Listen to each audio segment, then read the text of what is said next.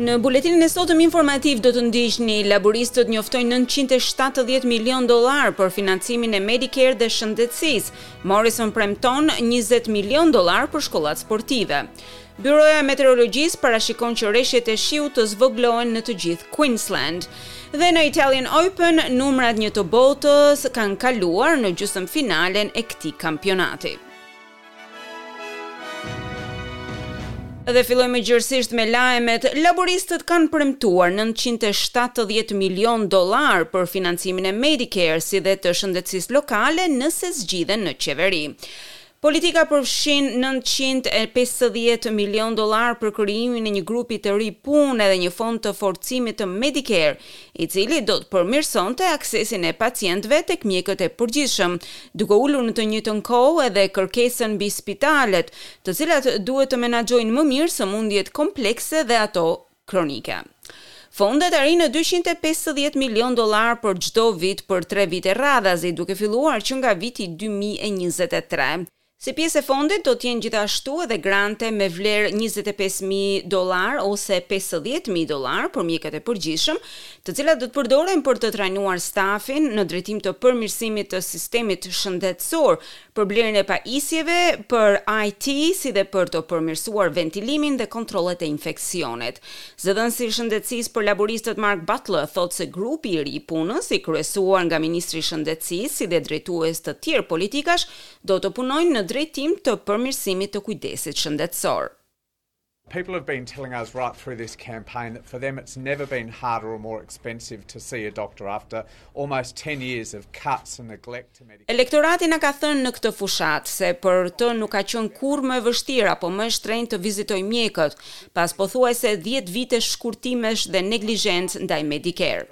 Pacientët kërkojnë një qasje më të mirë tek mjekët, opsione më të mira trajnimi, veçanërisht për sëmundjet kronike dhe ato komplekse.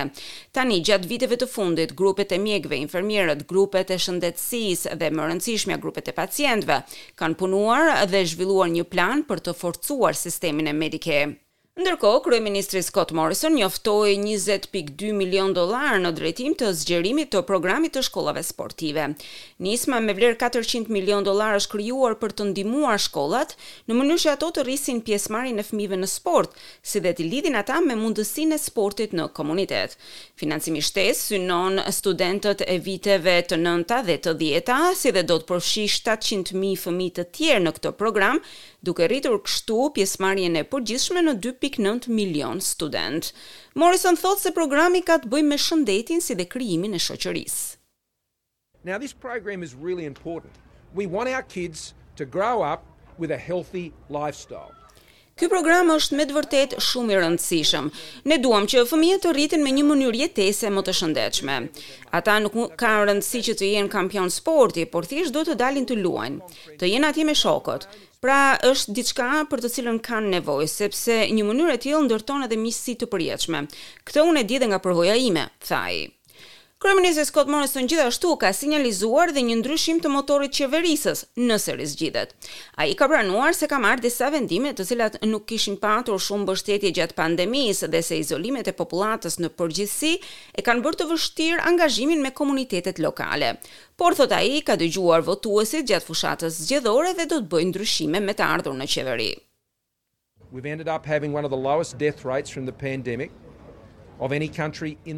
Në fund të pandemisë, arritëm të kishim një nga nivelet më të ulëta të vdekjeve nga kjo pandemi, më pak se çdo vend tjetër në botë.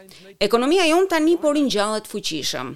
Asgjë nuk është e përsosur dhe vendimet e mia nuk kanë qenë gjithnjë të përsosura. Po mendoj se australianët duhet ta dinë se unë e di këtë.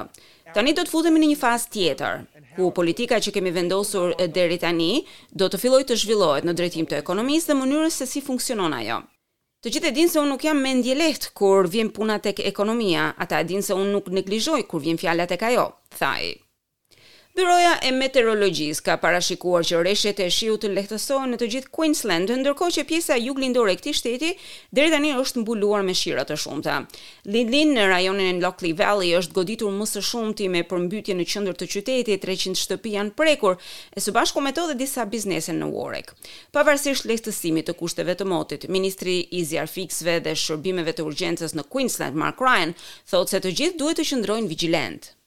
Just because the rain is easing though, and this is really important message for everyone, Megjithëse shiu po pakësohet dhe ky është një mesazh shumë i rëndësishëm për të gjithë, nuk do të thotë se rreziku është zhdukur. Ekziston ende një rrezik i rëndësishëm rreth rezervuarëve dhe zonave bregdetare, prandaj ju lutem të gjithëve, megjithëse shiu mund të ketë ndaluar për momentin ose të jetë qetësuar, mbani fëmijët larg lumenjve dhe përrenjve. Prokurorja e Përgjithshme e Ukrainës, Irina Venedikova, tha se zyra e saj ka përgatitur dyzet e një aktakuza të krimeve të luftës kundër ushtarëve rusë. Lajmi vjen pasi Ukraina ka nisur gjyqin e saj të parë për krime lufte kundër njëzet e një vjeçarit Vadim Shishimarin, i cili dyshohet se vrau një civil gjashtëdhjetë e dy vjeçar të paarmatosur, duke e qëlluar në kokë nga një dritare e hapur e makinës gjatë ditëve të para të luftës. Nëse dënohet, ai përballet me një dënim të përjetshëm. Zonja Venedikova i ka thënë televizioneve ukrainase se rastet e krimeve të luftës përfshijnë bombardimin e infrastrukturës civile, vrasjet e civilëve, përdhunimet dhe plaçkitjen. Rusia ka mohuar të ketë shënjestruar civilët dhe nuk ka komentuar mbi këtë gjyq. Ndërkohë Sekretari i Mbrojtjes së Shteteve të Bashkuara Lloyd Austin ka bërë thirrje për një armëpushim të menjëhershëm dhe përfundimin e konfliktit në Ukrainë. Lajmi vjen pas një telefonate midis zotit Austin dhe ministrit rus të Mbrojtjes, Sergei Shoigu, e para që kanë patur që nga pushtimi në shkurt.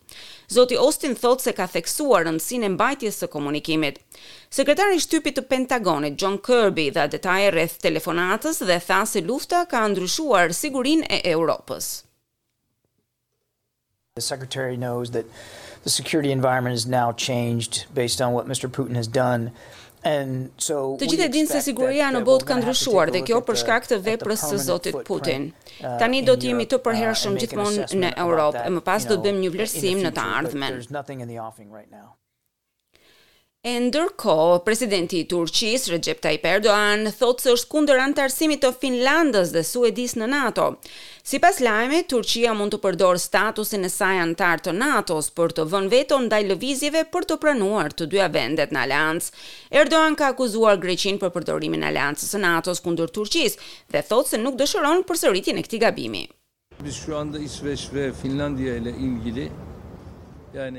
Po i ndjekim me vëmendje zhvillimet në lidhje me Suedinë dhe Finlandës dhe nuk jemi të një mendimi të favorshëm.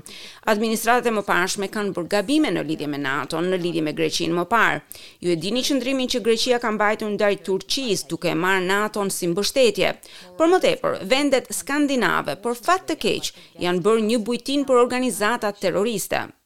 E ndërkohë Shtetet e Bashkuara thonë se po punojnë për të qartësuar më mirë qëndrimin e Turqisë në lidhje me këtë çështje. Demokratët në Shtetet e Bashkuara janë mbledhur në shkallët e Kapitolit për të kundërshtuar vendimin e parashikuar të Gjykatës së Lartë për abortin. Vendimi Roe kundër Wade, i cili mbron të drejtën e grave për abort, mund të anullohet dhe mund të çojë në kufizime mbi abortet e vendosura nga shtete të veçanta.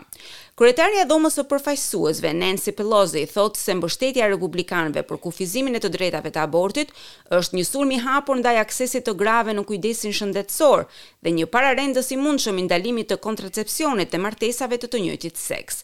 Përfaqësuesja e Kalifornisë, Barbara Lee, bëri një abort në moshën gjashtëmbëdhjetë vjeçare, në atë që ajo mund ta përshkruante si klinikë në Meksikë.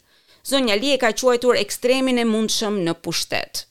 It's personal for me because I know firsthand what being denied access to legal abortion looks like. Kjo është shumë personale për mua. Është personale sepse di vetë se si të mohohet qasja në abortin ligjor. Kam përjetuar frikën, stigmën, traumën, dëshpërimin, mohimin e kujdesit për të cilin ke nevojë. E di se si është të kriminalizohesh nga vendimet që merr. Të detyrohesh të udhëtosh për të marrë kujdesin që të nevojitet, të shohësh të ardhmen tënde të varet nga vendimet e politikanëve dhe jo ato të mjekëve. Ndërkohë Koreja e Veriut ka raportuar njëzet e një vdekje të reja, më shumë se njëqind e shtatëdhjetë e katër mijë infeksione dhe persona me simptoma të temperaturës në mes të shpërthimit të parë të Covid nëntëmbëdhjetë në këtë vend, Lajmi thotë se numri total i vdekjeve ka shkuar në njëzet e shtatë dhe më shumë se pesëqind e njëzet e katër mijë persona janë infektuar me Covid nëntëmbëdhjetë deri tani.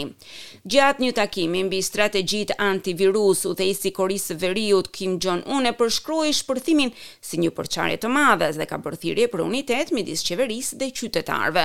Koreja e Veriut solli izolime mbarëkombëtare të enjten pasi konfirmoi rastet e para të virusit që me fillimin e pandemisë. Vendi nuk ka asnjë program vaksinimi.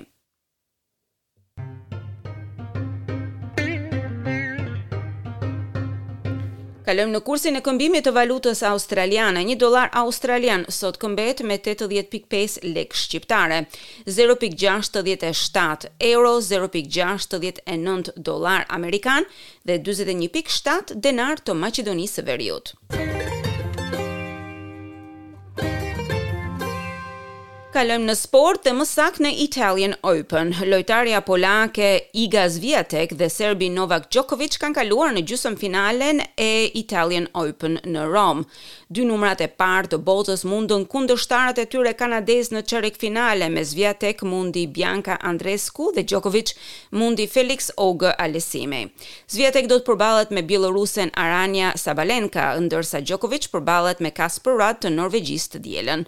Zonja Swiatek thotë se ajo po luan më mirë e më mirë, ndërkohë që turneu vazhdon. Edhe kalojmë në parashikimin e motit, sot nëpër qytetet australiane u regjistruan këto temperatura, Sidni shtatëmbëdhjetë, njëzet e gjashtë, Melburn pesëmbëdhjetë, njëzet, Brisbën njëzet, njëzet e tre, Perth dymbëdhjetë, njëzet e një, Adelaide gjashtëmbëdhjetë, njëzet e dy, Kanberra dhjetë, njëzet, Hobart njëmbëdhjetë, nëntëmbëdhjetë dhe Darwin njëzet e katër, tridhjetë e katër gradë celcius. Për nesër Byroja e Parashikimit të Motit ka sjellë këto temperatura, Sidni shtatëmbëdhjetë, njëzet e gjashtë, Melburn trembëdhjetë, njëzet e një, Brisbane njëzet e një njëzet e shtatë, Perth njëmbëdhjetë nëntëmbëdhjetë, Adelaide katërmbëdhjetë njëzet, Canberra dymbëdhjetë nëntëmbëdhjetë, Hobart njëmbëdhjetë nëntëmbëdhjetë dhe Darwin njëzet e katër tridhjetë e tre gradë Celsius. Dëgjuat edicionin informativ.